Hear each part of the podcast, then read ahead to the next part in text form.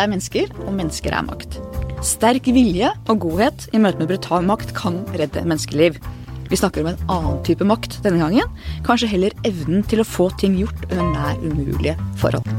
Elisabeth Hoff, direktør i Verdens helseorganisasjons arbeid i Syria gjennom de siste seks årene. Velkommen hit. Tusen takk. Ingen i FN-systemet eller noe annet internasjonalt system har vært i nærheten av så lenge en krigssone som det du har. Da du gikk på fly i Kairo i 2012, ble du møtt av hundrevis av syrere som strømmet ut av flyet, som hadde forlatt Damaskus, og du var den eneste som satt på flyet tilbake til Damaskus, eh, Syria sin hovedstad. Ta oss med til hva som møtte deg den gangen. Nei, det var først så var jeg skulle dra som direktør for WHO sitt kontor i Libanon, og det hadde jeg liksom forberedt meg på. Så fikk jeg en telefon som sa at eh, de ville gjerne snakke med meg, den øverste ledelsen i WHO, og lurte på om jeg ikke kunne dra tre måneder inn til Syria og gjenoppbygge WHOs kontor og omstille det til å bli et nødhjelpskontor.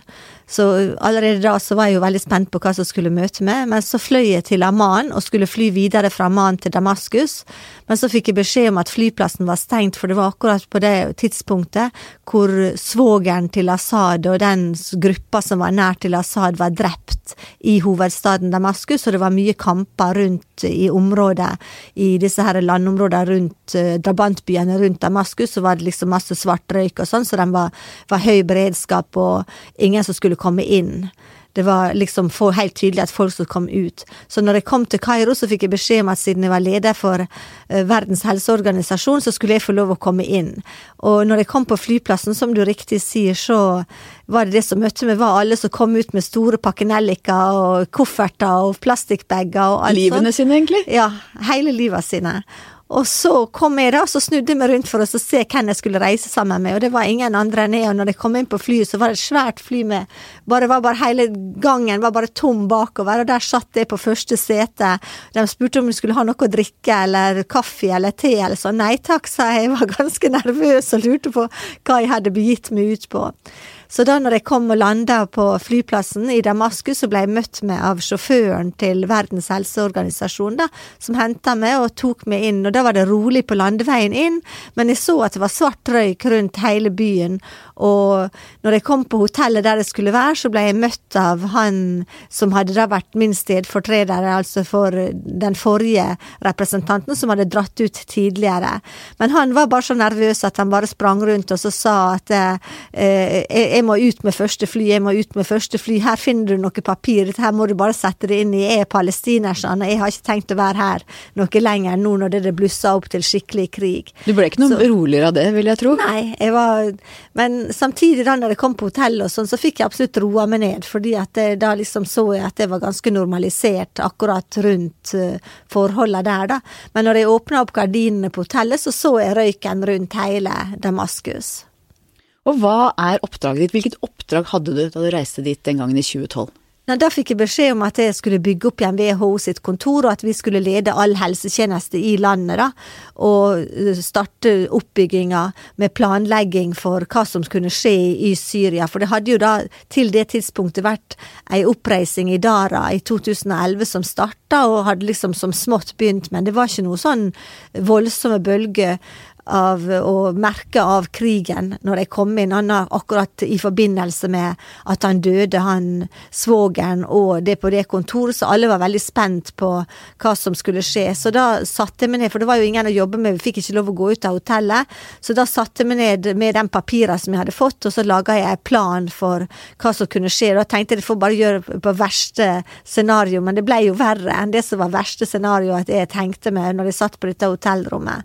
Og det som møtte meg, var at WHO hadde syv ansatte på kontoret, for det var jo ikke innstilt på noe krig i det hele tatt. Og i dag er vi over 200 til å svare på all den nøden som nå har oppstått gjennom de krigshandlingene som har foregått i over syv år. Og nå har du vært der i seks år. Går det an å gi et slags bilde av en vanlig arbeidsdag for deg i Damaskus? Ja, altså Stort sett så må jeg si at jeg er på kontoret. da, Det ligger i sentrum av Damaskus, men det har vi måttet flytte kontor av at det var ikke nok sikkerhetstiltak som var satt i verk på taket av det forrige kontoret, og der hadde det var det sånn at det ble skutt inn gjennom vinduet på kontoret mitt, og det var en sånn sikkerhetsstasjon for regjeringsstyrkene som var bak kontoret, og det var så usikkert at det var veldig mange sånne mortars som kom fra opposisjonen inn mot det området som vi flytta kontor. Men du blir så, fraktet hver dag med full sikkerhetsopplegg? Ja, full sikkerhet, så da ble jeg, i begynnelsen, i dag er det forandra, så da er det mye mye roligere. Men i begynnelsen så ble jeg henta med en sånn uh, armed vehicle, da, altså sånn med sånn skuddsikre vindu, sånn pansra vogn, og også sikkerhetsvakt, og tatt til kontoret. Og der, vi har opprettholdt kontorvirksomheten hele tida utenfor hotellet, og det er ikke de fleste som har gjort det. Altså, de fleste FN-organisasjoner flytta kontorene sine inn til eh, hotellet, hvor det var mye sterkere sikkerhetstiltak. Men stort sett så går jeg på kontoret halv åtte-åtte, og så slutter jeg klokka åtte om kvelden. Men eh, jeg har jo vært med på alle de konvoiene som har vært ute når det FN har levert, sammen med Syrisk Røde Halvmåne, til forskjellige områder som har vært beleira eller vanskelig å nå, så har jeg vært med på dem eh, for å levere medisiner og medisinsk utstyr til disse områdene. Og det har vært eh, eh, pågående helt frem til nå. da. Nå er det først at det, vi har ikke noe lenger noen sånne beleira områder i Syria. Alle har falt. da. Men Fortell om de byene du har kommet inn i som har vært avstengt og lukket i flere år. Som da du kom inn i Øst-Aleppo. Hva møtte deg der?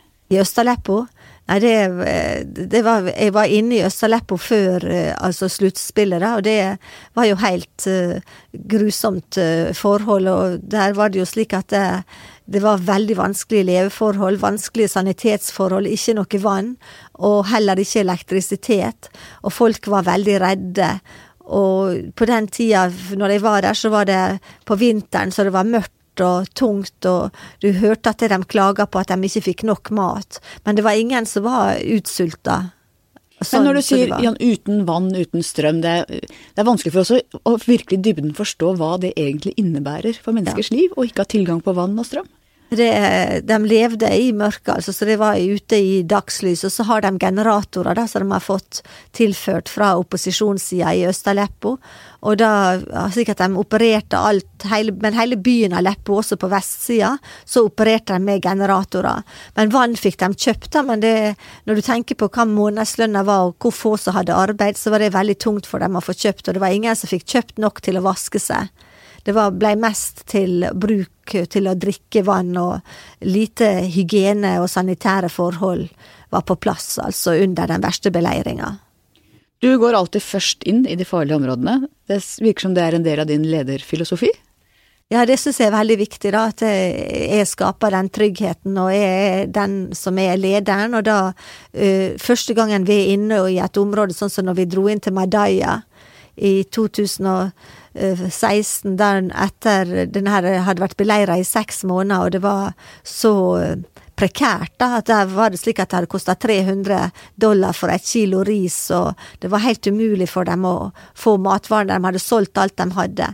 Men det som gjorde at de overlevde, det var at de hadde så mye vann som kom som kildevann da, inn i dette her, for det var et sånt område med kildevann som de kunne drikke, og det var veldig mange av dem som sa at de spiste vann med salt og pepper på, altså det var ernæringa deres. Men da når jeg kom inn der, og da var jeg glad for at jeg var først og før staben min, for da var forholdene utrolig merkbare. Det var i januar, da, og mørkt og eh, regnfull dag, og de menn hadde samla seg på markedsplassen. Og det var mange av episodene som slo meg da, at det var barn som spurte om at eh, de kunne få med seg ekstra mat hjem, og jeg husker en veldig liten, en liten gutt på åtte år som hadde kommet til markedsplassen, og han sa at eh, broren min på ti år er hjemme, og han klarer ikke å komme, han er så dårlig, han har ikke spist på lenge, så tror du at jeg kan få med meg ekstra mat til han? Og det var også to stykker som døde i armene mine den andre dagen jeg kom inn, for de hadde overspist og fikk sånn hjertefeil av det. Så det er tydelige ting som merker en for livet av det en har vært med på. Går det an å beskrive hvordan det er at noen dør i armene dine på den måten? Ja, nei, det er vanskelig, men det, jeg må si at det, jeg tror det som hjelper meg, det er at jeg har lett for å vise medlidenhet, og jeg har lett for å gråte, da. Så jeg får ut en reaksjon, for det er ganske mange som brenner inne med det og har det vanskelig for å kunne fortsette arbeidet. Men jeg har ei egen evne til at tårene renner når jeg står i sånne situasjoner, da. Og det er kanskje godt for de som opplever det, at det faktisk er en medfølelse, at de ser at dette berører også de som kommer inn? Det tror jeg, altså. Og jeg tror det at jeg gråter lett, men jeg er også ganske sterk, altså. Men det er en sånn slags følelse som umiddelbart kommer, og jeg klarer ikke å kontrollere det. Og du omtales som en streng, men omsorgsfull leder. Du stiller høye krav til dine medarbeidere, sies det? Ja, men jeg syns vi er så privilegerte. Ikke bare eh, vi som jobber internasjonalt for FN med ei god lønn, men jeg syns også at de nasjonale, de har en jobb, de har fått et meningsfylt arbeid, og i forhold til mange andre syrere som da lever under fattigdomsgrensa, så er de godt betalt som nødhjelp, nødhjelpsarbeidere, og da er det veldig viktig at vi viser den solidariteten som er nødvendig, og at vi står på oss og sørger for at eh, de andre får den hjelpa de trenger. Du er grundig utdannet med en master i folkehelse fra California, eh, master i konflikthåndtering fra Harvard, og i tillegg har du i bunnen jordmor- og sykepleierutdanning. Og det er jordmorerfaringene du oftest trekker fram som veldig nyttige i jobben i Syria. Hvorfor det? Det er sant, for eh, når jeg var jordmor også her, spesielt husker jeg på Ullevål sykehus, så sto du ofte i veldig vanskelige situasjoner, og da kunne ikke du snu deg rundt og begynne å spørre andre om hva du skulle gjøre. Altså du måtte ta bestemmelser der og da, og kalle på den hjelpa du trengte, og vise helt rydda opp og ordna opp slik at alt var klart og i beredskap for en vanskelig fødsel. Og da gjaldt det å være kald og klar og vise omsorg, men også strenghet. Og det er akkurat de egenskapene jeg også bruker når jeg er ute. Så jordmødre kan brukes til mye, også i krigsområder? Ja, det tror til andre ting enn å ta imot barn? ja, det tror jeg. Det... I jobben din så må du forholde deg til ganske mange bad guys for å få ting gjort. Ja. Tidvis har du fått kritikk for å være for myk overfor Assad-regimet i Damaskus. Hva tenker du om den kritikken? Jeg tror det er veldig uberettiga. Men saken er den at det, eh, Syria er et, eh, en suveren stat, så det er ikke noe mulighet til å ikke gå gjennom regimet. Så dem som har mer kjennskap til det, vet at f.eks. hvis eh, når de skulle inn til Madaya eller som FN-medarbeidere, og eller vi skal inn til eh, Øst-Aleppo, så må vi ha godkjenning av regjeringa for å kunne gjøre det. Så hvis en skal legges ut med dem, så får en ingen godkjenning heller. Så det var veldig viktig å finne den balansen, at en kunne si fra. Og det, jeg kommer fra Sunnmøre, så jeg har ingen problem med å være direkte i talen, da. Så jeg sa alt ifra. Og det som var noe de satte pris på, at jeg gikk aldri bak ryggen deres og sa noe utenom som jeg ikke hadde sagt på forhånd, at dette her syns jeg ikke noe særlig om, og at det ikke burde være slik, og jeg ville gjerne at det skulle håndteres på denne eller den andre måten. Og det satte de respekt på, slik at har, eh, det satte meg i respekt, da. Og det som jeg har sett, er at jeg alltid har fått telefonnummer, jeg vet alltid hvem jeg skal tilkalle, tilkalle når jeg trenger hjelp, og også for å be om spesielle ting. Men jeg må si at det, det har vært et knallhardt regime, og jeg har ikke noe sympati for mye av de handlingene som de har utført. Men jeg må forholde meg korrekt til dem for å kunne oppnå det som er nødvendig i forhold til at vi skal få ut hjelpa. Og du må også forholde deg til andre bad guys? Ja. Det er så Jan Egeland sier, kun bad guys, altså. Det er på en måte svaret, verken på, på, den ene eller den andre sida, så er det ikke noe good guys, og eh, krigen skaper ikke noe sånn forhold hvor det det, det er eh, lyse og lette toner å jobbe i. Det er tungt og vanskelig å dra i gang, og det som er veldig viktig, det er at en er direkte, en er ærlig, og ikke spiller spill med dem på noen måte. Og det lærte jeg også når jeg tok eh, master i conflict resolution. Da. Det var helt eh, klart at det, det må bruke fakta. Og vite og forhandle, og ikke eh, bli dratt inn i noe sånn spill, verken på den ene eller den andre sida, og hele tida gå tilbake og vise til fakta. Og dere behandler alle. Er det vanskelig å være profesjonell i møte f.eks. med en IS-leder som du vet har gjort ubeskrivelige ting mot andre mennesker? Nei, for jeg, jeg treffer ikke dem heller før de er såra, og da kommer den menneskelige sida frem i hvem det skal være, altså. Så det har aldri vært noe vanskelig for meg å skille, enten det er en soldat eller det er en, en som hører til av opprørerne. Den, det øyeblikket de trenger, trenger hjelp, så er de et medmenneske. Og det merker du helt tydelig, at da har de lagt fra seg alt, og de er lidende og ofte knust som menneske, det du står overfor. Krigen er jo stor, vi kan bli numne egentlig av nyhetsdekningen, det blir veldig massivt, men krigen handler jo også om mennesker, om enkeltmennesker og deres liv, og du møter dem hver dag, kvinner, barn, menn. Fortell om noen av de du har møtt som du ikke klarer å glemme. Nei, det må jeg si at eh, jeg var sammen med to norske kollegaer oppe på sykehuset i Aleppo, og da eh, en av dem som har satt eh, virkelig spor i hjertet mitt, det var når vi var inne med en som var krigsskadet, et lite barn på åtte år, som hadde da store beinskader med amputasjoner og også blærevansker, og da hadde hun som kom fra Norge med seg eh, en sånn lita dukke som hun hadde kjøpt på Ikea, ei sånn lita tøydukke. Og når hun ga den tøydukka til den gutten, så bare tenkte jeg at eh, han kom til å kaste henne vekk, for han ville ikke ha dukke, for det er sånn vanlig norsk reaksjon, da. Men han blei så glad for denne lille dukka at han ropte mamma, mamma, se jeg har fått ei dukke dukke. Eh, jeg, vil Mohammed, jeg vil kalle han Mohammed, men det var tydelig ei jentedukke. Men at eh, han var I, I, want to call her, her Mohammed, I want to call her Mohammed. Han var så glad for det. Og da tenkte jeg, hadde det liksom vært i en norsk sammenheng, så hadde de aldri tatt mot denne leka og syntes at det var så stort, da. Men en annen ting som virkelig treffer meg, det er hver gang jeg går på hospitalet. Det er et sånt referansehospital for brannskadde barn i eh, Damaskus. Og hver gang jeg går dit, så får jeg ikke sove etter lang tid, fordi at det, det er så store skader og vanskelig å se barn som lider. Og mange av dem har dratt med åpne brannskader, langt over 50% av huden er brent.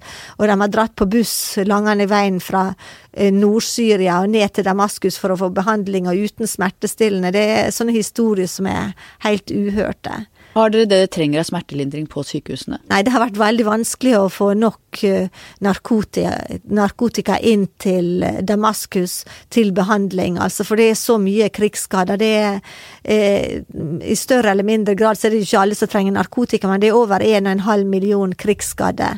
I, dem, i, rundt i Syria. Så det er et svimlende tall. Ja, det er et utrolig tall, altså. Så en annen ting som jeg også ønsker å fremheve, det er når jeg går enten i Damaskus eller i Aleppo på barneavdelinga med kreftskadde barn, og så ser hvor mye sterkt de ønsker å leve, og at de ikke kan få den behandlinga de trenger. Det er kreftlidelser som lett kunne bli behandla i, i USA eller i Europa med enkle midler, men som en ikke har muligheten for å behandle i dag i Syria. De hadde muligheten til det før krigen brøt ut, men disse barna som da har opplevd krigen og vært gjennom det verste, og kanskje ikke hatt verken vann eller elektrisitet og levd i veldig vanskelige forhold, men de klamrer seg til livet og gjerne vil leve. Og da er det veldig vondt å vite at det ikke er noe hjelp for dem, og at de må best måte sørge for at de i hvert fall får en fredelig død. Og det som er vondt da, er at det der er ikke nok midler til altså smertestillende og sånt til palliativ care heller, altså.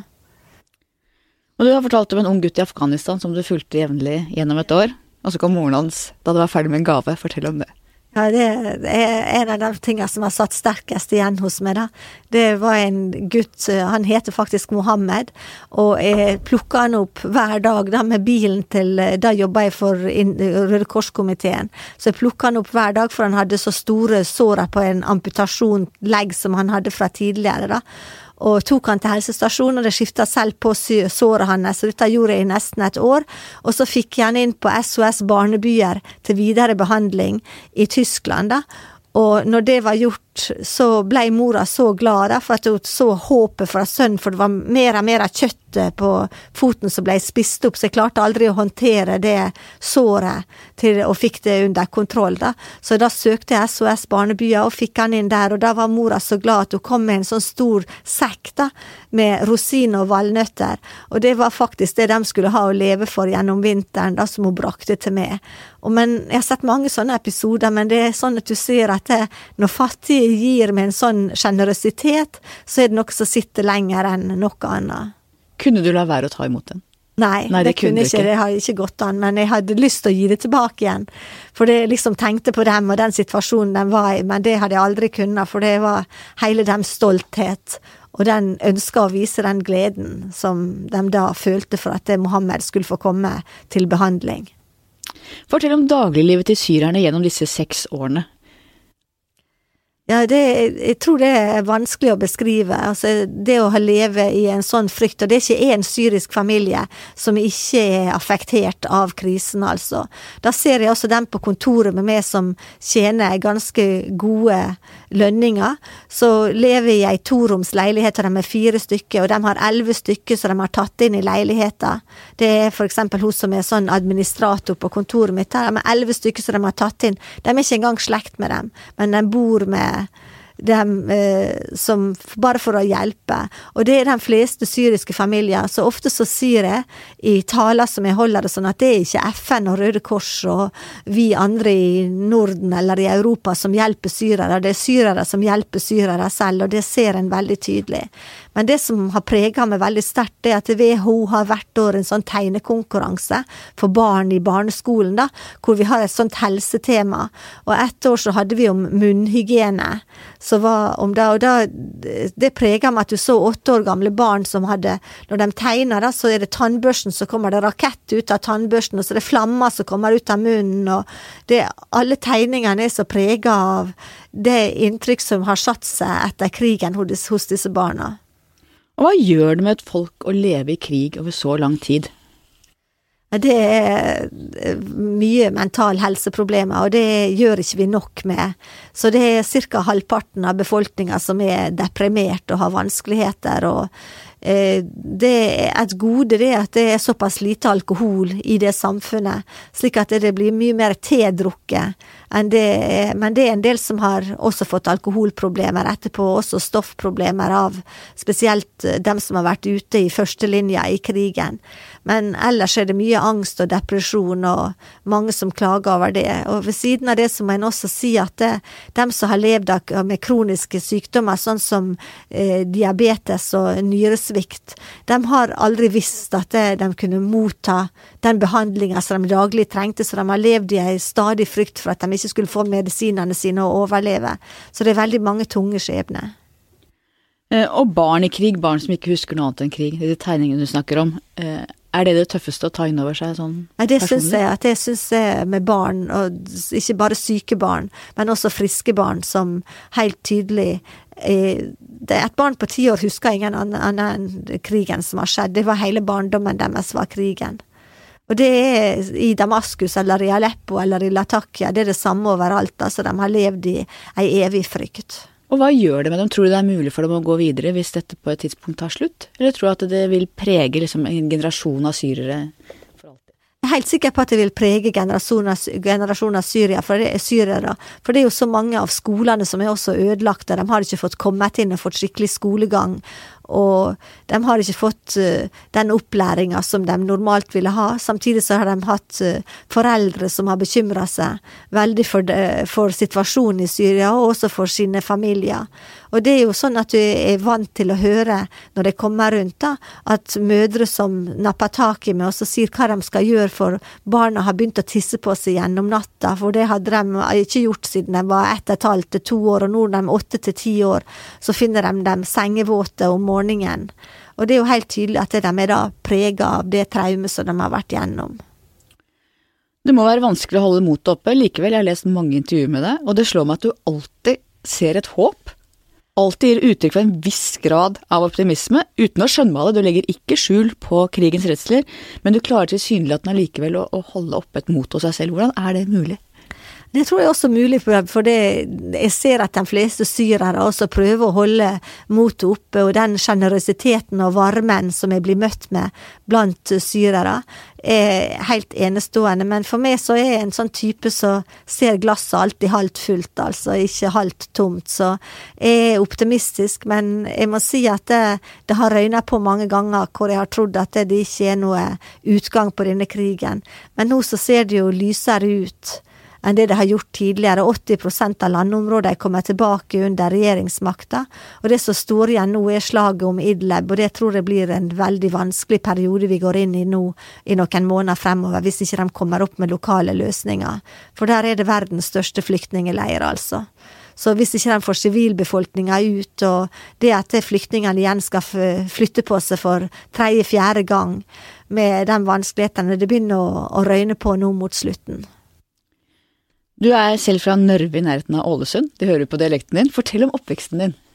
Jeg vokste opp i en veldig god familie utafor Ålesund, hvor det var lett å være barn, og også med masse venner. Og det som har vært veldig positivt med Ålesund, det er at det, det er et såpass eh, miljø fra alle samfunnslag. Da det er ikke sånn eh, at det er segregert med at du har rike familier eller fattige familier. Alle sammen bor sammen, og alle hører til på samme skole. Og, så det har vært en god oppvekst. Jeg har hatt foreldre som har vært veldig humanitære. Og det har også prega oss. Vi er fire søsken, og vi har alle hatt gleden av å lære fra våre foreldre at den største læresetninga, det var den barmhjertige samaritan, at en skulle gi så lenge en kunne.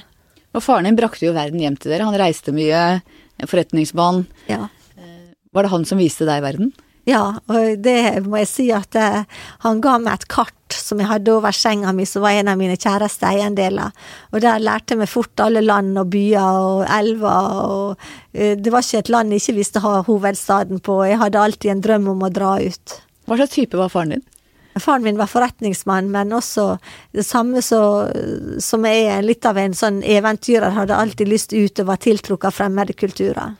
Og moren din, hun var hjemme, hva slags type var hun? Hun var det som holdt hjemmet sammen, og var også eh, den som på en måte hørte på oss og lytta når vi kom hjem, og, men var veldig sånn omsorgsfull. Og vis, ville gjerne at vi skulle også vise kjærlighet og omsorg ute. Hvem tenker du du ligner mest på av de to? Jeg minner til tider mye om faren min, men også om moren min, så jeg er en god blanding, tror jeg. Men eh, med moren min sin utålmodighet, det har jeg en stor del av, at jeg vil gjerne at det skal skje noe, og at det skal skje fort. Og det er vel nødvendig, den jobben du har nå? Ja, det tror jeg er veldig nødvendig.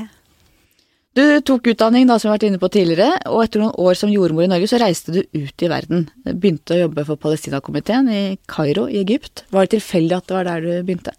Nei, hadde Det var kanskje ikke sånn at det var så vidt planlagt, da, det, men jeg var veldig interessert i Palestina-spørsmålet. Så jeg tok kontakt, men jeg husker allerede den gangen når jeg, jeg tok kontakt med Palestina-komiteen her, så sa jeg at jeg, var ikke, jeg er ikke helt overbevist, så jeg må på en måte finne ut av dette når jeg kommer ned.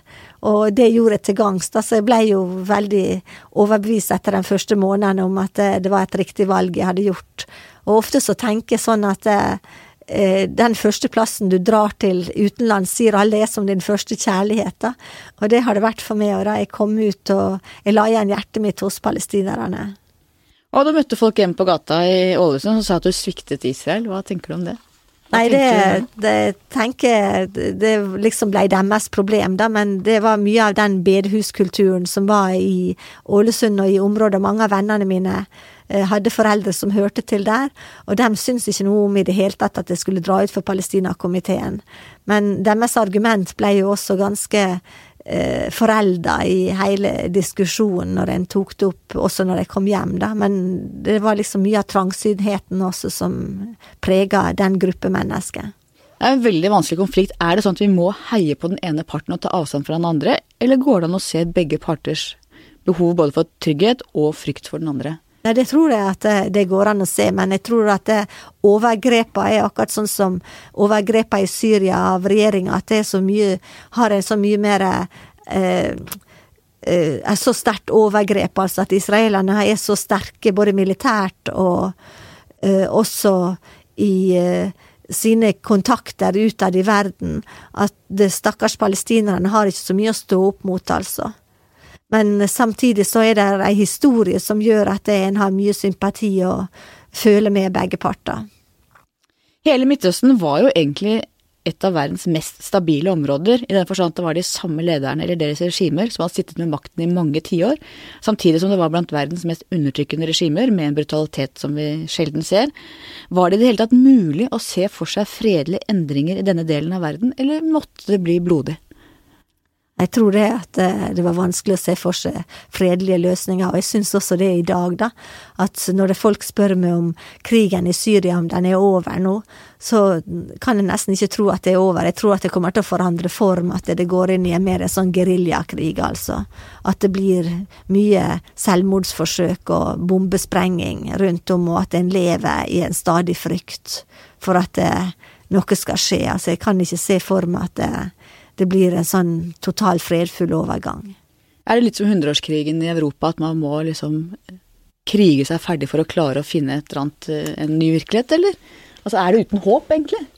Ja, nei, håpet kan en ikke gi opp, altså, men at eh, jeg, jeg, ser på det sånn at det, det kommer til å vare lang tid fremover for dem om de forskjellene som ligger, spesielt da mellom Saudi-Arabia og Iran, i dette her som da har vært kan du si, overført på syrisk grunn med den krigføringa som har skjedd og sånn, de eh, ligger fortsatt i det spenningsforholdet, det som skjer i Jemen. Så det er vanskelig for å se at det blir en fred over hele regionen. Jeg tilhørte dem som var naiv og veldig optimistisk da den arabiske våren startet. Var du optimist, eller skjønte du med en gang hvor det bar? Nei, altså, jeg, men jeg hadde ikke så stor tro på at uh, dette kunne vinne frem. Men uh, jeg syns det var en veldig positiv bevegelse, og vi har jo sett gode resultat til dels i Tunis, da. Så det var jo lov til å håpe, men uh, jeg blei veldig pessimistisk med en gang Assad slo ned på det så kraftig som han gjorde på den, det som skjedde med eh, denne her eh, bevegelsen som starta i Dara, da. Og du var jo i Syria på ferie lenge før krigen brøt løs. Hvilket Syria møtte du den gangen? Det var et fantastisk Syria. Og det gjorde at jeg, når de spurte meg selv om at jeg var øh, nølende til å dra, for med en gang når krigen hadde brutt ut, så ville jeg gjerne tilbake igjen til Syria. Det var et fantastisk øh, absolutt fantastisk land på alle måter, med eh, Jeg ser for meg bilder av kultur med ballettoppvisninger og kulturelle tilstelninger i Damaskus. Altså, Damaskus var jo i 2008 verdens kåra til verdens kulturelle hovedstad.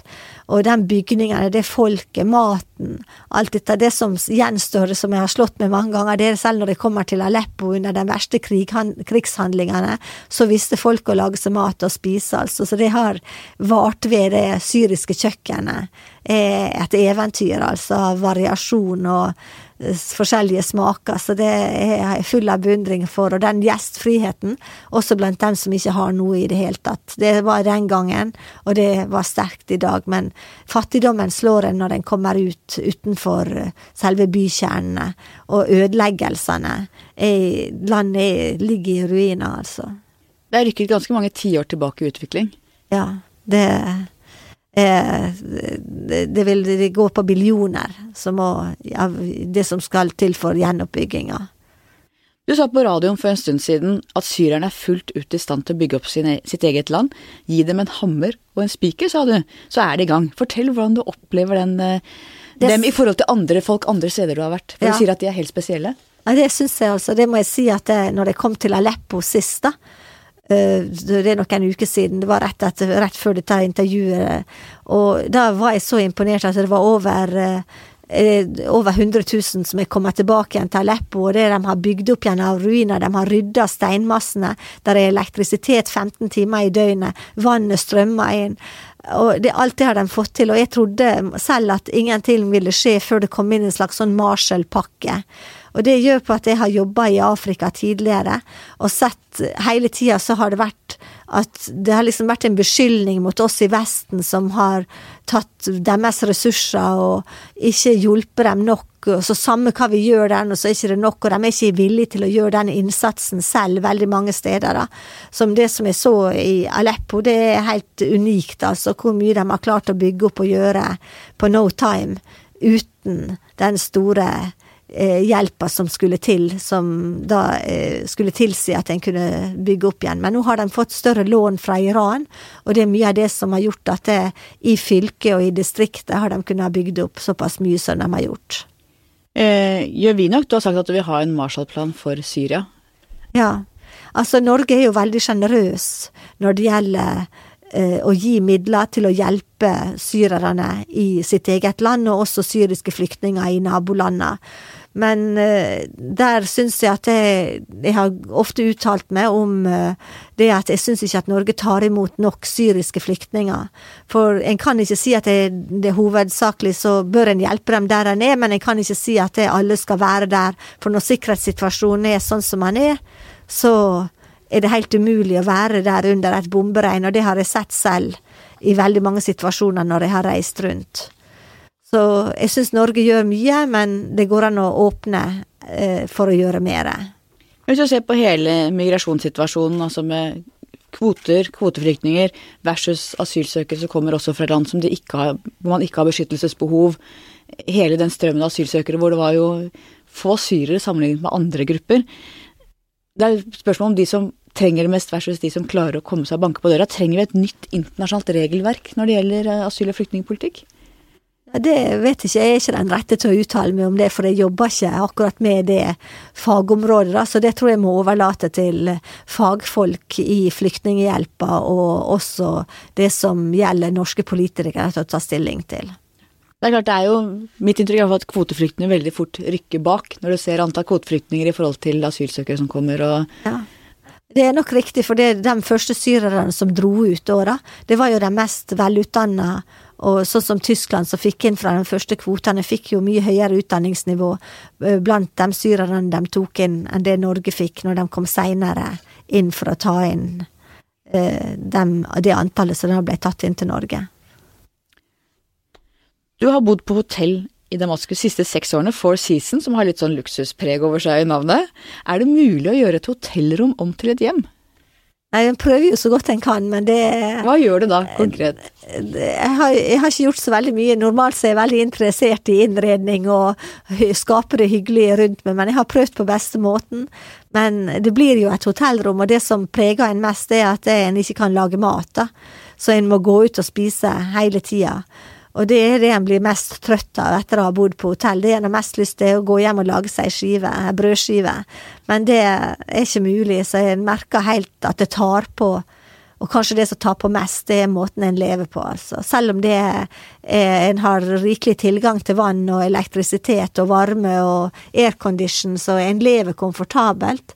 Men en savner den friheten også med å kunne bevege seg utenfor hotellområdet og utenom kontoret.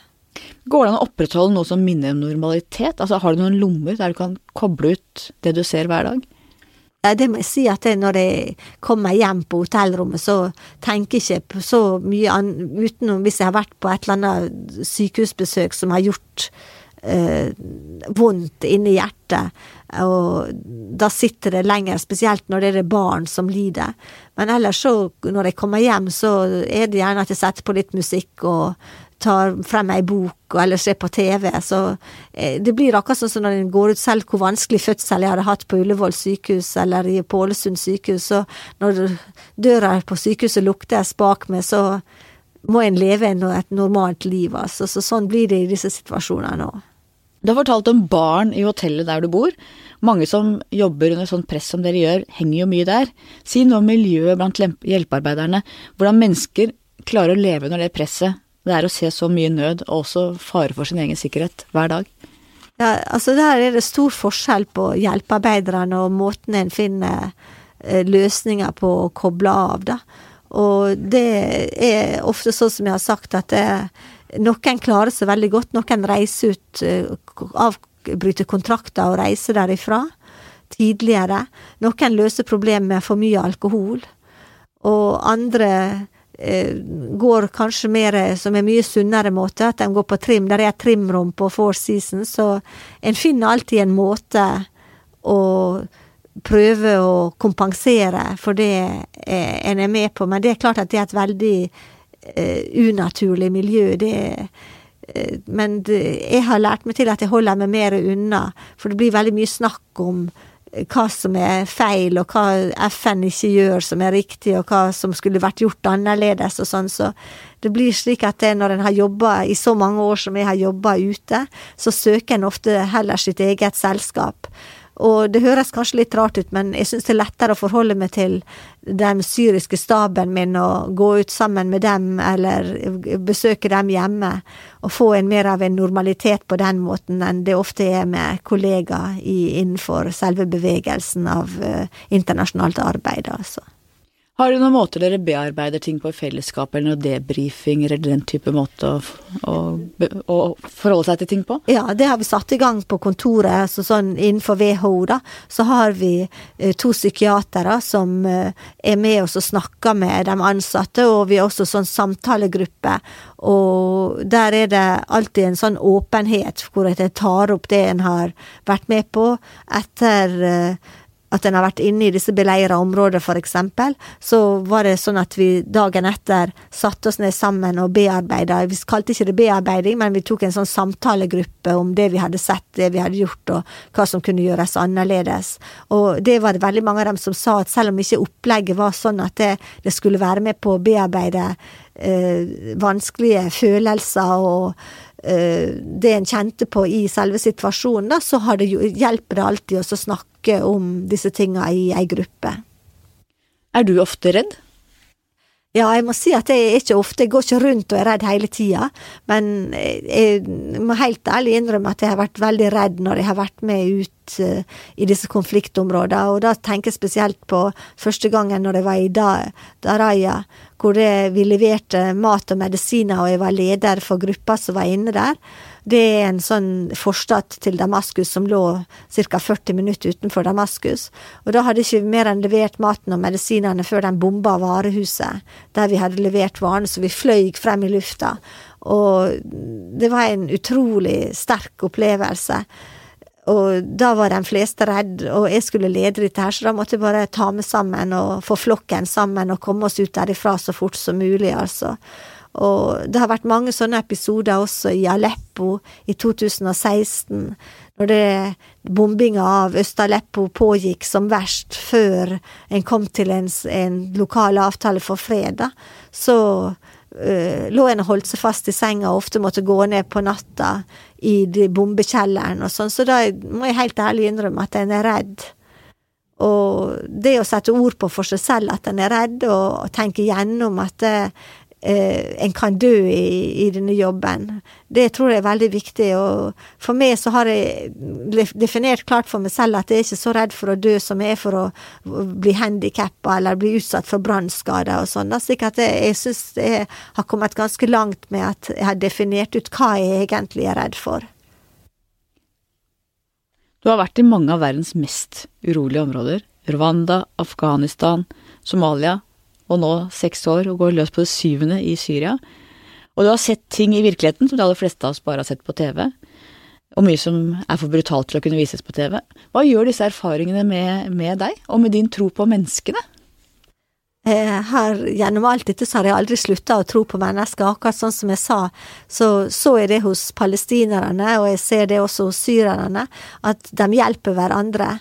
Og når det står på så verst, så viser de en utrolig eh, empati, vil jeg si, for hverandre, og det er så mange enkeltsituasjoner eh, som en ser i det gode i mennesket i den verste øyeblikk, altså. Men samtidig så eh, tenker jeg ofte på en ting som uh, har slått meg, for jeg har jo lest mye fra andre verdenskrig, så jeg spurte meg, selv da etter andre verdenskrig hvordan det kunne være at det, de fikk lokalbefolkninga med seg imot eh, altså både jødene og mot andre grupper i krigshandlingene, og hvorfor ikke lokalbefolkninga stilte større spørsmål, også styresmaktene stilte mer spørsmål om det som skjedde. Og det har jeg sett i Aleppo når jeg hadde vært inne i Madaya. da. Når jeg kom ut igjen, så hadde jeg tatt bilder av disse to guttene som jeg nevnte, som døde av sult, og også en del underernærte barn. Og når jeg viser det til øverste politiske ledelsen i Syria, og så sa, viser det, så så jeg flere av dem gråte. De hadde aldri trodd at det, det skulle være sånn. Men det betyr det, at de har hatt en evne til å melde ut konsekvensene av det de faktisk gjør? Ja, og det er det som har slått meg mest, altså. Det er den grusomheten at det, en klarer å skille seg fra eh, handlingene. At det en gjør, altså konsekvensene av det en gjør, at en ikke ser det, altså så klart, altså. Religion har en stor plass i disse konfliktene. Hvordan ser du religionens plass både ute i verden og i det norske samfunnet? Nei, altså det er jo en veldig viktig del av dette. Den grusomme delen er jo også det at eh, du har At mye av dette her stammer i forskjeller mellom sunni- og shia-grupperinger. Og så det er tilbake til religionskrigene som vi hadde i middelalderen. Det, men samtidig så er det mye av godheten som kommer frem i de religiøse som viser godheten og har nestekjærlighet som et virkelig motto i deres liv, så det er veldig vanskelig å splitte opp og så se fra det sånn som øverste ledelsen ser det, og fra det enkeltmennesket, og hva religion betyr i deres eget liv. Og jeg må jo si at for meg selv så har jo religion vært en veldig viktig del, at jeg troa på Gud, det er det som har styrka meg i det som jeg har eh, At jeg har klart å komme gjennom mye av den grusomheten som uh, Men det er jo det paradoksale òg, at uh, Gud er god, og så skjer alt dette her som er så vondt, da. Ja, for du har vært troende fra du var liten jente, og har båret og hatt en sterk gudstro alltid? Ja, det har jeg hatt, og den har jeg heldigvis klart å bevare. For det er mange som jeg jobber sammen med, og som vi er ute når vi snakker om det, som har mista troa på grunn av alt det vonde de har sett. Da. Men det er det paradoksale som jeg nevnte, at eh, Gud er god, men det er mennesket som tilfører det vonde. Det er ikke Gud, da. Kunne du klart å stå i den jobben du gjør uten gudstroen din? Det er helt umulig for meg å si, for det at eh, gudstroa er en del av, av, meg selv. Men du har ikke noe særlig sans for misjonsbefalingen? Nei, det har jeg ikke. Jeg tror at eh, eh det er veldig vanskelig å tro at det, som kristen så skal vi gå ut og overbevise en troende muslim om at en skal bli kristen istedenfor muslim, det har jeg vanskelig for å tro. At jeg tror deres gudstro er like god som min gudstro, og at en må ha respekt for enhver annen form for religion. Jeg har Kjell Magne Bondevik her, han sier at han tror egentlig at man ber til den samme guden. Tror du det? Ja, det tror jeg. Og når du ber, hva ber du om da? Nei, det spørs nå hva det, det gjelder, det, men jeg ber veldig ofte for fred i Syria. Og at så står du overfor enkeltsituasjoner, så må jeg si at jeg, eh, når jeg ser et lite barn som lider og sånn, så ber jeg til Gud om at, jeg, eh, at Gud må hjelpe dette lille barnet gjennom de vanskelighetene som det står overfor.